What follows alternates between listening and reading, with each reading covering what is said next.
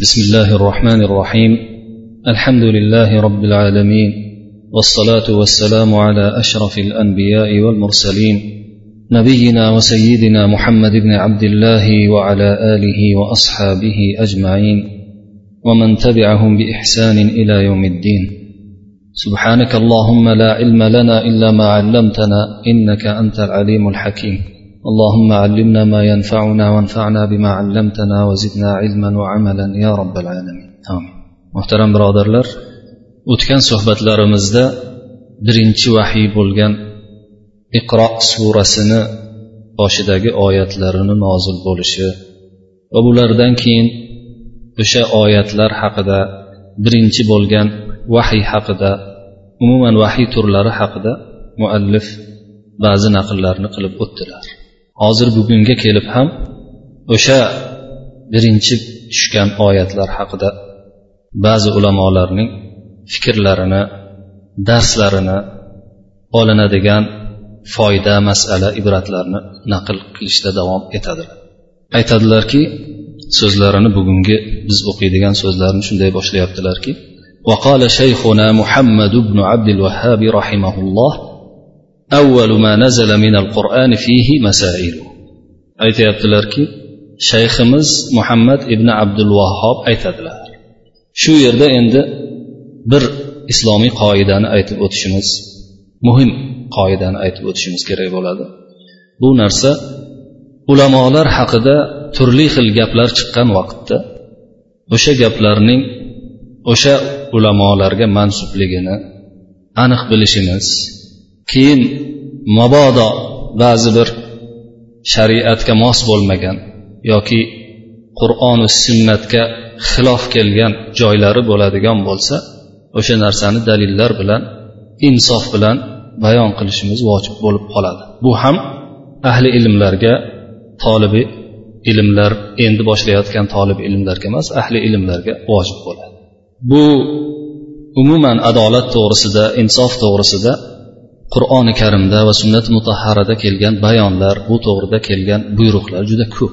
Shulardan ba'zilari alloh taolo surai nisoda aytadiki innalloha ya'murukum an tuaddu al-amanati ila ahliha va idha hakamtum baynan nasi an tahkumu bil adl alloh taolo sizlarni omonatlarni o'z egalariga ado etishingizni topshirishingizni buyuradi topshirishingizga buyuradi va odamlar orasida hukm qilganingizda adolat bilan insof bilan hukm qilishingizga buyuradi deydi boshqa bir oyatda suray moidada keladi ولا يجرمنكم شنآن قوم على ألا تعدلوا اعدلوا هو أقرب للتقوى ba'zi bir qavmni yomon ko'rishingiz ba'zi bir qavmga bo'lgan adovatingiz adolatsizlik qilishga sizni undab qo'ymasin majburlab qo'ymasin. Insofsizlik qilishga majburlab qo'ymasin. Insof va adolat qiling. Shu taqvoga yaqin mana shu taqvo taqozosi degan oyatni keltiradi. Tarixda ulamolarga otilgan toshlar ulamolarga aytilgan gaplar uchrab turgan. Bo'lgan bundan keyin ham bo'ladi.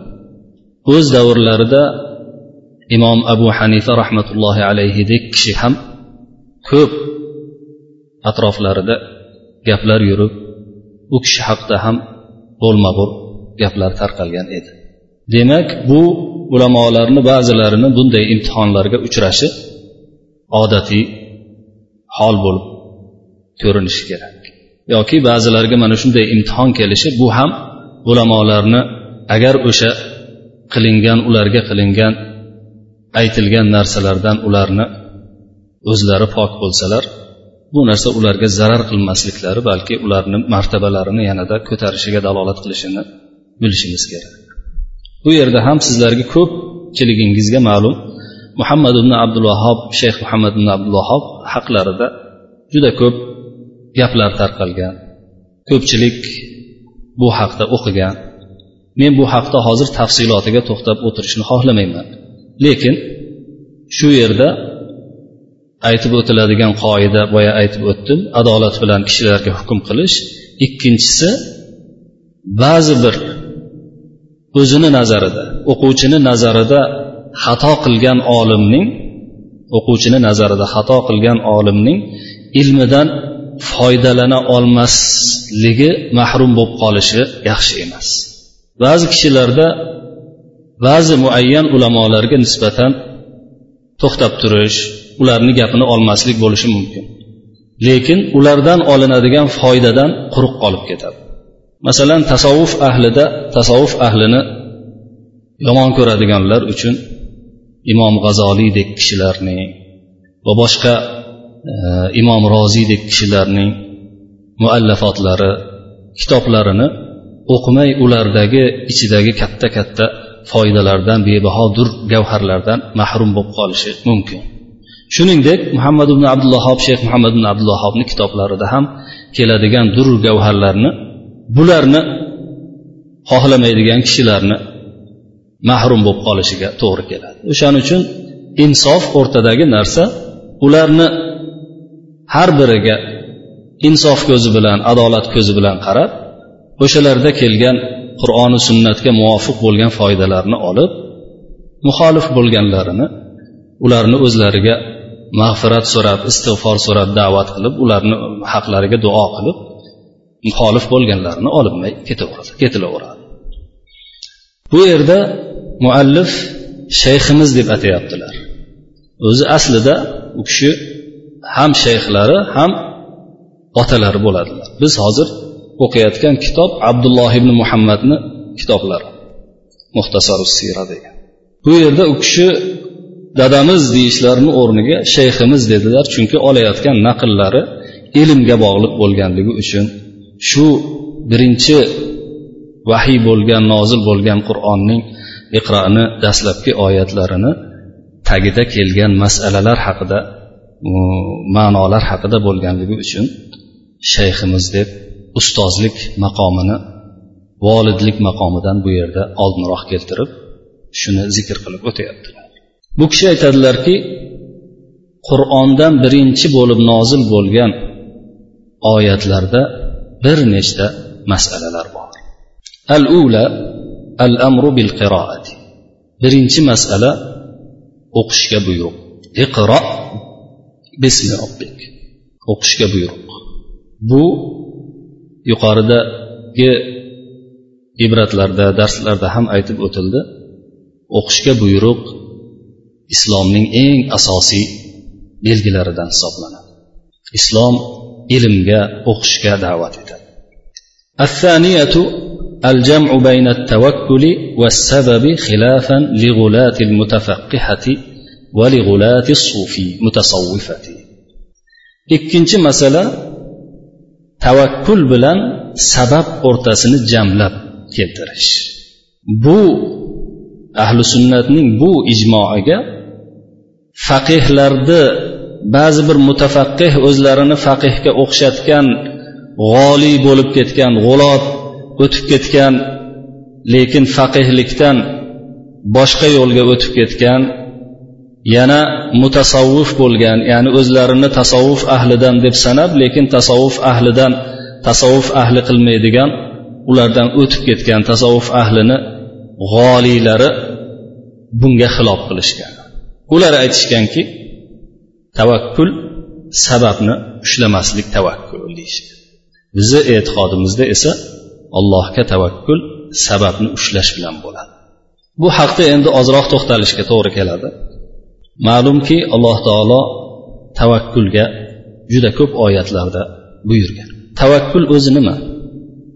Tavakkul ishni alloh subhanahu va taologa topshirib uni o'zigagina ishonish degan. Yana ba'zi bir ulamolarni gaplariga qaraganda alloh taologa tavakkul iymonni ushlab turuvchi narsa deydi. Hech shubhasiz mo'min odam alloh taologa tavakkul qilayotgan vaqtda ishini topshirayotgan vaqtda bir o'zi dili sokin bo'ladigan qalbi orom oladigan bir rukunga suyanib turgandek his qiladi. Ana shunday orqasi bor deb his qiladi. Mana shunaqa suyangan odam haqiqiy tavakkulga qilgan odam bo'ladi. Hech narsadan qo'rqmaydi tavakkul qilgandan keyin. Biron kishidan ham qo'rqmaydi. Shuning uchun ham sahobalar alloh taolo ahzob surasida e, sifatlagan edik odamlar ularga qarab turib sizlarga atroflaringdan odamlar hamma narsalarni to'plab urushga jamlanib kelishdi. Ulardan qo'rqinglar ehtiyot bo'linglar deganda ularni iymoni yanada ziyoda bo'lib aytishdiki bizga olloh kifoya.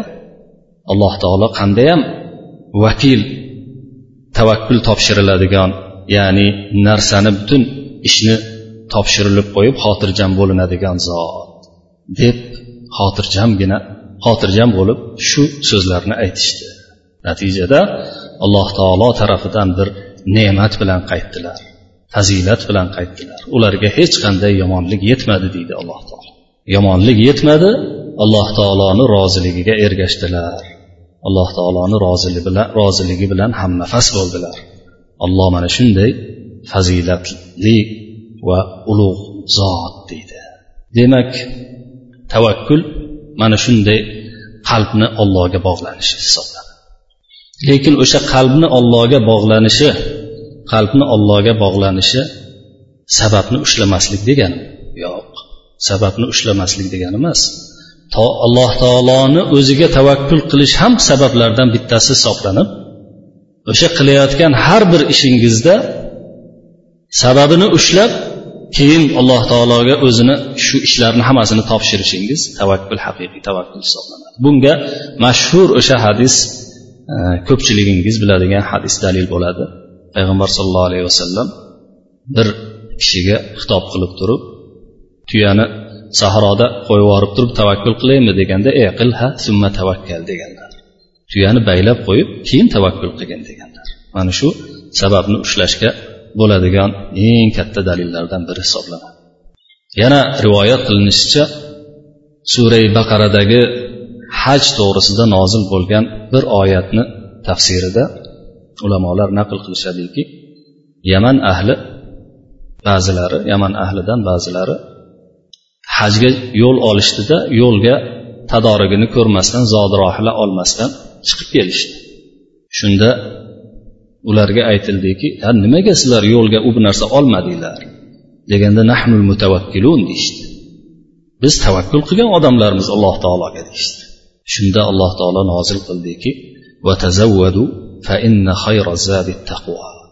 yo'lga hozirlik ko'ringlar zodi rohila olinglar zero zodi rohilaning eng kattasi eng yaxshisi alloh taolodan bo'lgan alloh taolodan qo'rqishdir alloh taologa bo'lgan taqvodir degan oyat nozil bo'ldi deydilar hazrati ibn abbos roziyallohu anhu.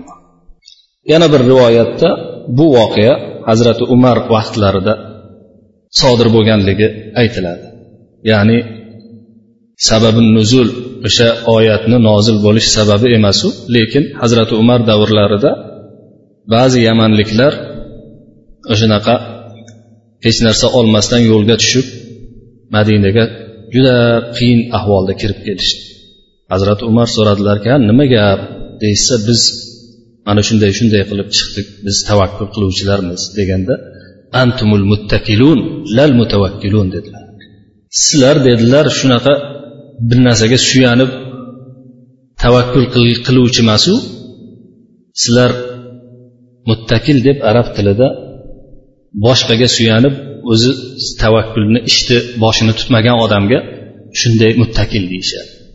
Sizlar muttakil ekansizlar. Birovni umid qilib o'zlaring bir tavakkul qilib sababini ushlamasdan tavakkulni haqiqiy tavakkulni qilmasdan muttakil bo'lgan birovga suyangan kishilar ekansizlar dedilar. Demak mana shu qisqacha qilib aytadigan bo'lsak mana shu haqiqiy tavakkul hisoblanadi.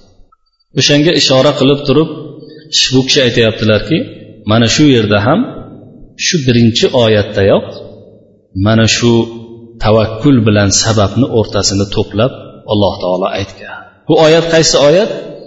Iqro bismi robbik degan oyat. Qanday dalolat qiladi?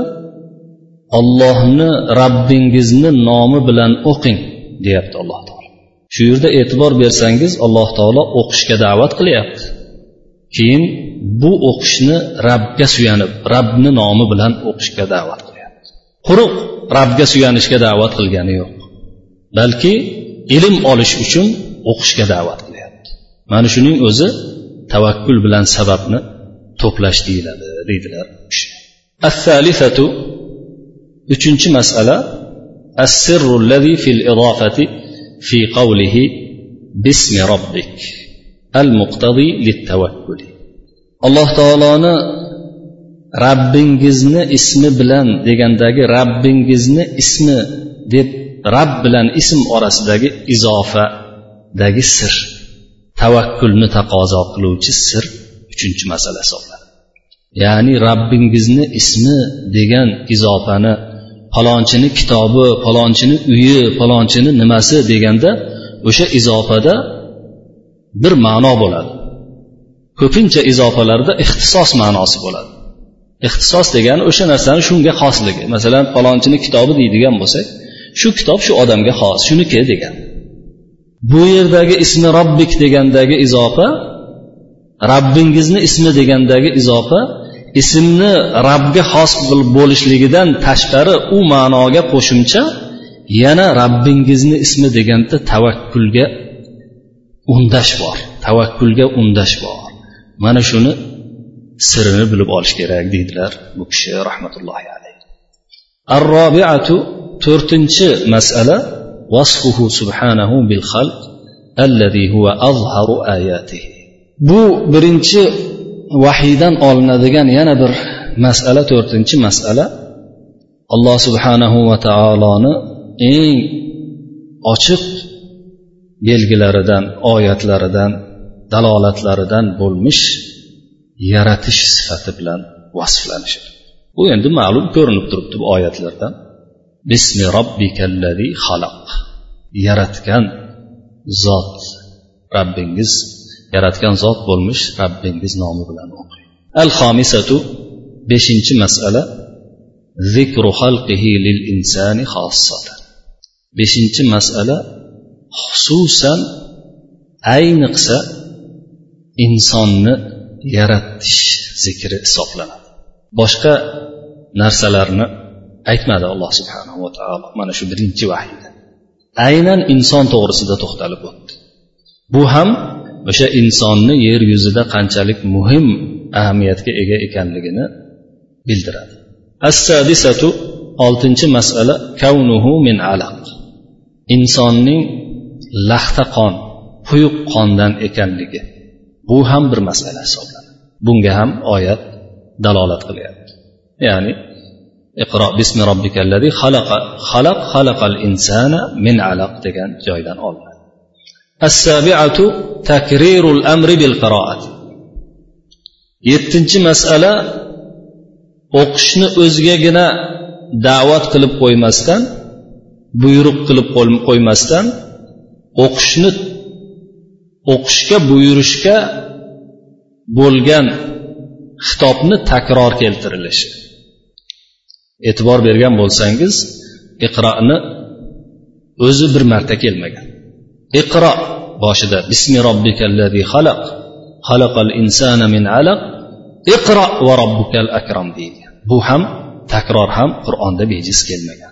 الثامنة sakkizinchi masala al vasfu bi annahu al akram alloh subhanahu va taoloning eng ulug' eng karamli eng saxovatli zot degan sifat bilan vasflanish bu ham birinchi oyatda kelishi nihoyatda muhim kasb muhim ahamiyat kasb etadi attasiatu to'qqizinchi masala ذكر التعليم بالقلم الذي هو في المرتبة الرابعة to'rtinchi martabada hisoblanmish qalam bilan ta'lim berish zikrini keltirish deyaptilar rahimaulloh bu yerda biz sal to'xtab o'tishimizga to'g'ri keladi o'quvchilarni ba'zilari bu to'g'rida xabarlari bo'lmasligi mumkin imom g'azoliy kitoblarini birida qur'on haqida to'xtalib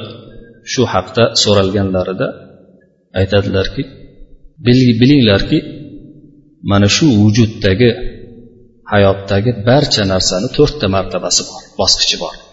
Bu yerda muallif rahmatullohi alayhi to'rtinchi martabada to'rtinchi martabada hisoblanmish qalam bilan ta'lim ta'lim berish zikri bu to'qqizinchi masala dedilar imom g'azoliy aytadilarki vujudda hayotda to'rt martaba bor. Har bir narsani to'rtta martabasi to'rtta bosqichi bor. Bu narsa nimalar? Ko'rinib turgan narsalardagi vujud borlik. Borliq to'rga bo'linadi deydilar. Ko'rinib turgan narsalardagi bog'liq bu bir sal mantiqiy e, taqsimga o'xshab ketadida. Shuning uchun e'tibor berib turinglar. Ko'rinishdagi borliq zehndagi kishini xayolidagi borliq tildagi borliq to'rtinchisi esa oppoq bunaqa qog'ozni ustiga tushirilgan borliq deydi. Keyin bunga misol keltirib olovni misol keltiradilar. Aytadilarki mana olovni ko'rinishi siz tandirda ko'rasiz borlik xayolingizda o'sha narsani tasavvur qilasiz. Ya'ni o'sha norni o'sha nimani olovni haqiqatini olovni nafasini olovni issiqligini tasavvur qilasiz. Tilda shu narsa bilan o'sha olovni issig'iga yoki olovni o'ziga dalolat qiladigan narsa bilan zikr qilib aytasiz. Olov deysiz boshqa narsa deysiz. To'rtinchisi esa o'sha olov zikrini qo'lingiz bilan oq qog'ozga olov deb yozib tushirasiz. Demak dunyodagi bor vujudning barcha borliqning shunaqa to'rtta ko'rinishi to'rtta bosqichi bor. Shu yerda al masalatu tasia deb bu yerda muallif o'shanga ishora qilyaptilar. Aytyaptilarki zikru talim bil qalam allazi huwa fil martabati robiati to'rtinchi martabada to'rtinchi bosqich bo'lmish qalam bilan ta'lim berish zikridir. Bunga ham alloh taolo ishora qilyapti oyatda. Nima deyapti? Iqro va robbukal akram allazi allama bil qalam. Qalam bilan ta'lim ber. Al ashiratu bundagi o'ninchi masala ta'limul insani xossatan ma lam ya'lam. Ayni insonni bilmagan narsasini bildirish masalasi. Buni ham o'sha oyatlarda aytib o'tdi alloh allamal insana ma lam ya'lam. O'n birinchi masala al hadiyata ashrata أن zikra bil qalbi val lisan الذكر min zikri bil qalbi oyatlardan olinadigan o'n birinchi masala shuki zikrni qalb va til yordamida qilish qalbni o'zi bilan qilish qalb orqaligina qilishdan ko'ra afzal buni qayerdan olamiz xuddi o'sha iqro bismi robbikdan olamiz alloh taolo o'sha rabbingni nomi bilan o'qi deganda o'qishga buyurishini o'zi zikrni til bilan ham qilishga buyruq bo'lyapti qalbni o'zi kifoya qilmaydi qalbni o'zi bilangina aytilgan zikrdan til bilan qalb bilan qilingan til hamda qalb bilan qilingan zikr afzalligiga mana shu yerda ishora qilinyapti الثانية عشرة الحث على التواضع لقوله من علق o'n ikkinchi masala kishilarni tavozuga kamsuqumlikka da'vat etish. Kishilarni kamsuqumlikka tavozuga da'vat etish qaysi oyatga binoan? Alla iqro bismi robbikallazi xalaq xalaqal insana min alaq degan so'z. Insonni quyuq qon laxta qondan yaratdi degan. Ya'ni inson o'zini bir asliga qaraydigan bo'lsa hech qanaqa emas hech narsa emas. U biron bir juda sharif bo'lgan odam ko'rsa havas qiladigan yerga tushib ketsa odam olib hamma qo'l qo'l qilib ketadigan qo'lma qo'l qilib ketadigan bir nafis narsadan yaratilgan yo'q. Inson bir quyuq odam ko'rsa ko'ngli ijirg'anadigan nafsi rozi bo'lmaydigan bir laxta qondan yaratilgan. Mana shuning o'ziyoq kishini kibrdan saqlashga kamsuqumlik qilishga tavozuli bo'lishga da'vat qiladi. Bu o'n ikkinchi masala. o'n uchinchi masala fihi ma'na i'rif nafsaka ta'rif robbak o'sha tepadagi boyagi o'n ikkinchi masaladan kelib chiqadigan o'n uchinchi masala. Bunda aytyaptilarki o'zingni tani rabbingni taniysan degan mashhur maqolga maqol ma'nosi bor. Ba'zilar buni hadis ham deyishadi bu hadis emas o'zingni taniysan o'zingni tanigin rabbingni tanib olasan o'zini tanigan rabbisini taniydi degan gap shu ma'nosi bor o'sha oyatlarda deydilar ya'ni bu ham tepadagi xalaqal insana min alaq insonni quyuq qon laxta qondan yaratdi degan oyatdan olinadi o'n to'rtinchi الرابعة عشرة o'n to'rtinchi masala فيه معنى أن العلم والإيمان makanahuma man ibtag'ahuma vajadahuma ila yawmil qiyama o'n to'rtinchi masala shuki bu birinchi nozil bo'lgan vahiyda iymon bilan ilm o'zini joyida turganligiga kim izlaydigan bo'lsa haqiqatda topadigan ekanligiga qiyomatgacha topib olishiga dalolat qiladigan narsa bor deydilar. Bu gaplari aslida muoz ibn jabal roziyallohu anhuni gaplariga ishoradir muozim ibn jabaldan rivoyat qilishlaricha hazrat muozim ibn jabal bilasizlar roziyallohu anhu sahobalarni eng halol haromlarini biladigan faqih kishilardan bo'lgan. Bu kishi erta o'lib ketganlar. Hazrati umarni davrlarida o'n sakkizinchi hijriy yilda payg'ambar sallallohu alayhi vasallamdan keyin bor yo'g'i yetti yildan keyin yetti yarim yildan keyin o'lib ketganlar. O'sha kishi o'ladigan paytlarida taqriban ba'zilarini aytishlariga qaraganda o'ttiz uch yoshda ba'zilarini aytishlariga qaraganda undan sal kattaroq yoshda qirqqa yaqin o'lganlar.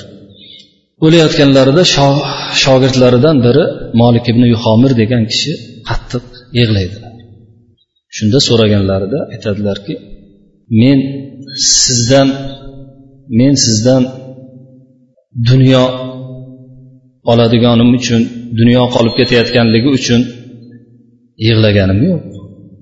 Lekin men sizdan ilm bilan iymon o'rganayotgan edim.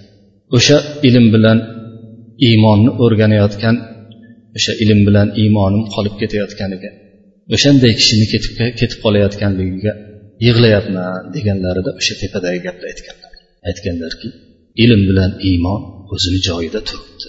Kimki haqiqatda izlaydigan bo'lsa uni topadi deb keyin ilmni to'rt kishida o'rgangan deb o'zlari o'sha e, sahobalardan ba'zilariga to'rttalariga dalolat qilganlar sahobalardan to'rttalari ha sahobalardan to'rttalari inshaalloh abdulloh ibn masudga dalolat qiladilar. Hamda salmon forisiyga abdulloh ibn salomga hamda uvaymir ibn abu dardo uvaymirga dalolat qiladi. Mana shu to'rttalarida ilmni o'rgangan deydilarda keyin qo'shib qo'yadilarki aytadilarki agar o'sha o'shanda ham ilmni yana izlamoqchi bo'lsang yana topolmaydigan bo'lsang ularni oldida ham bo'lmay qoladigan bo'lsa ilm yer yuzida yo'q. O'shanda keyin ibrohim alayhissalomni muallimidan o'rgangin deydilar ibrohim alayhissalomni muallimi ma'ruf alloh subhanahu va taolo. O'shanga ishora qilib turib bu yerda muallif shu oyatlardan mana shu narsa olinadi deyaptilar. Chunki bu yerda nimaga ishora qilgan? Alloh taolo allamal insana ma lam ya'lam degan oyatni keltirgan alloh taolo insonga bilmaganini bildirdi degan. Mana shundan bilib olamizki deyaptilar bu yerda o'n to'rtinchi masalada. Ilm bilan iymon o'zini yerida turibdi. Ya'ni alloh subhanahu va taoloni qur'oni u zotni sunnat payg'ambar sallallohu alayhi vasallam sunnatlari bor ekan. Bu ilm bilan iymonni izlagan odam albatta qiyomatgacha topadi. Al xomisata ashrata o'n beshinchi masala rajau fadlihi li ajli ma taqaddama min fadli. o'n beshinchi masala ilmni fazlini umid qilish. O'sha ilmni fazli yuqorida aytib o'tilgan narsaga binoan ilmni fazlini umid qilish deyaptilar chunki alloh subhanahu va taolo birinchi vahiyda eng muhim narsaga to'xtaldi eng muhim narsani qo'zg'adi bu narsani qo'zg'ashi uning nihoyatda fazilatli ekanligiga dalolat qiladi shu fazilatni o'ziga ham yuqib qolishini umid qilish o'sha oyatlardan ham chiqib keladi السادسة عشرة o'n oltinchi masala assanau sifatihi li akram. Alloh subhanahu va taoloni akram barchadan ulug' barchadan karamli deb bo'lganligi uchun o'zini sifatlariga sifatlarini ulug'lash uni sano hamdu sano aytish uni yuqoriga ko'klarga ko'tarish bo'lyapti. Bu masalani ham muhim masalalardan deb bilishimiz kerak.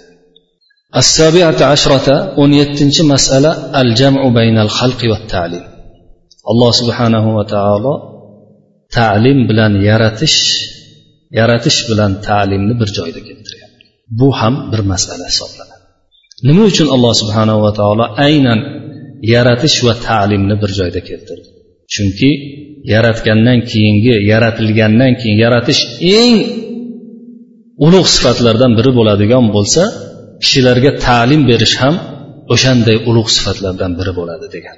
Assaminata ashrata o'n sakkizinchi masala addalalatu ala tavhid alloh subhanahu va taoloni yakka yagona iloh ekanligiga dalolat qilish. U yerda faqat alloh subhanava va taoloni fazli haqida gap ketyapti. O'qishni ham olloh nomi bilan o'qishga buyurilyapti.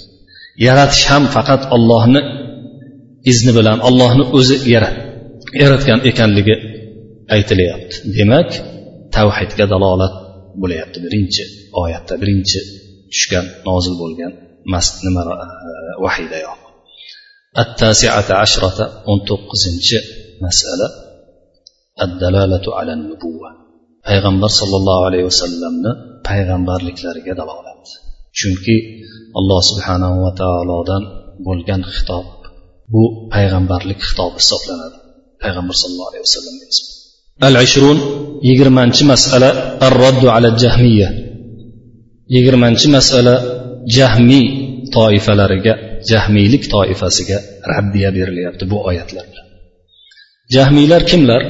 Buni qisqacha aytib o'tamiz hozir vaqt qisqarib qolyapti. Jahmiylar qisqacha qilib aytsak jahm ibn safvon degan kishiga mansub bo'lib o'sha birinchilardan bo'lib birinchi bo'lib birinchi bo'lib bo'lmasa ham birinchilardan bo'lib alloh subhanava taoloni sifatlarini barcha sifatlarini inkor qilgan kishi hisoblanadi. Birinchi bo'lib inkor qilgan kishi esa jad ibn dirham hisoblanadi. Alloh subhanava taoloni mutakallim ekanligini muso alayhissalomga gapirganini inkor qilgan hamda alloh subhanava taoloni muhabbat boshqalarni o'zini suyukli bandalarini yaxshi ko'rishini inkor qilgan ibrohim alayhissalomni halil qilib olganligini inkor qilgan kishi birinchi bo'lib inkor qilgan kishi o'sha jad ibn dirham bo'ladi undan keyin uni gapini olib rivojlantirib olgan odam jahm ibn safvon hisoblanadi o'sha jahm ibn safvonga nisbati berilib shu toifa jahmiya deb ataladi shularga raddiya bo'lyapti chunki bu oyatlarda alloh subhanava taoloni ulug' sifatlari bayon qilinyapti الحادية والعشرون أن الاستحالة تطهر yigirma birinchi masala fiqiy masala olyaptilar bu yerda. Istihola ya'ni bir bosqichdan ikkinchi bosqichga bir jismning bir bosqichdan ikkinchi bosqichga aylanib ketishi pok poklab yuboradi. Pokla poklantirish xususiyatiga egadir. Buni qaysi oyatdan olinyapti? E'tibor bilayotgan bo'lsangiz kerak bu narsa. Xalaqal insana min alaq deyilyapti insonni mana shunday pokiza insonni alloh subhanahu va taolo lahta bir nopok bo'lgan qondan yaratdi. Shu bosqichdan bosqichga o'tish jarayoni bilan inson pok insonga aylandi. Holbuki uni birinchi nimasi juda nopok qon edi. Yigirma ikkinchi masala ar raddu alal qadariya yigirma ikkinchi masala qadariyalarga rad bo'lyapti. Qadariyalar ma'lum bilasiz ko'pchiligingiz bu to'g'rida internetlarda ham ko'p gapirilyapti. Taqdirni inkor qiladigan. Ya'ni taqdir alloh subhanava taolo tomonidan belgilab qo'yilmagan. Ish shunaqa o'z öz o'zidan bo'lib ketaveradi deydiganlar qadariylar hisoblanadi. Bu bularni chiqib kelishi shu hazrati abdulloh ibn umar davrlariga to'g'ri keladi. U kishi qarib qolgan paytlarida o'sha iroq tarafdan ba'zilari chiqib mana shuni inkor qilishgan. Shunda hazrati umar ulardan bezor ekanliklarini ulardan umuman ularga qo'shilmaslik kerakligini aytib ularga rad bergan. Buni oyatlardan ma'lum bo'lishi ko'rinib turibdi dalolati. Chunki alloh subhanava taolo yaratgan ekanligini ta'lim bergan ekanligini insonni nimalarini belgilab qo'yganligini o'sha oyatlarda bayon qilyapti. Yigirma uchinchi masala jabriylarga arroddu alal jabriyati. Jabriylarga rad bo'lyapti raddiya bo'lyapti. Jabriylar degani qadariylarni teskarisi. Inson o'zini qiladigan barcha ishlariga muxtor emas ixtiyorli emas. Inson majbur xohlasa ham qiladi xohlamasa ham qiladi degan bir qadariyalarga teskari kelgan toifalar bor. O'shanga ham alloh subhanava taoloni shu birinchi oyatlaridanoq shu raddiya bo'lyapti shularni ichida bor. Chunki iqro bismi robbikallati xalaq robbingiz gizni nomi bilan yaratuvchi yaratgandan robbingizni nomi bilan o'qing deyishini o'ziyoq o'qishga undashni o'ziyoq insonni ixtiyorli ekanligiga dalolat bo'lyapti الرابعة والعشرون يجرما تورتنشي مسألة أن العبرة بكمال النهاية لا بنقص البداية e'tibor oqibat tugashni komil bo'lib mukammal tugashi bilan bo'ladi boshlanishni nuqsonli bo'lishi bilan emas boshlanishni nuqson bo'lishi bilan bo'lganda unday bo'lmagan bo'ladi E'tibor demak ibrat e'tibor tugashini mukammal bo'lishi bilan oqibat hisoblanadi. Boshlanishni nuqsonli bo'lishi bilan emas ma'ni inson boshlanishida qon quyuq qondan boshlanyapti. Oxiriga borib mukammal inson ollohni tanigan insonga aylanyapti demak ibrat oqibat ishlarni oxiriga qarab bo'lar ekan. Al xomisatu val ishrun yigirma beshinchi va nihoyat oxirgi masala zikru sharafil ilmi ilmni sharafli ekanligini zikr etish. Chunki birinchi oyatdayoq birinchi vahiydayoq ilmga ta'limga alloh subhanava taolo qattiq e'tibor berdi. Bu narsa esa ilmni sharafiga dalolat qiladi. Keyingi suhbatimizda xudo xohlasa muddassir oyatidagi ikkinchi vahiydagi bo'ladigan martabalarni bo'ladigan foydalarni olamiz o'sha kungacha sizlar bilan xayrlashamiz va sallallohu vasallama وبارك على نبينا محمد وعلى آله وصحبه أجمعين والسلام عليكم ورحمة الله وبركاته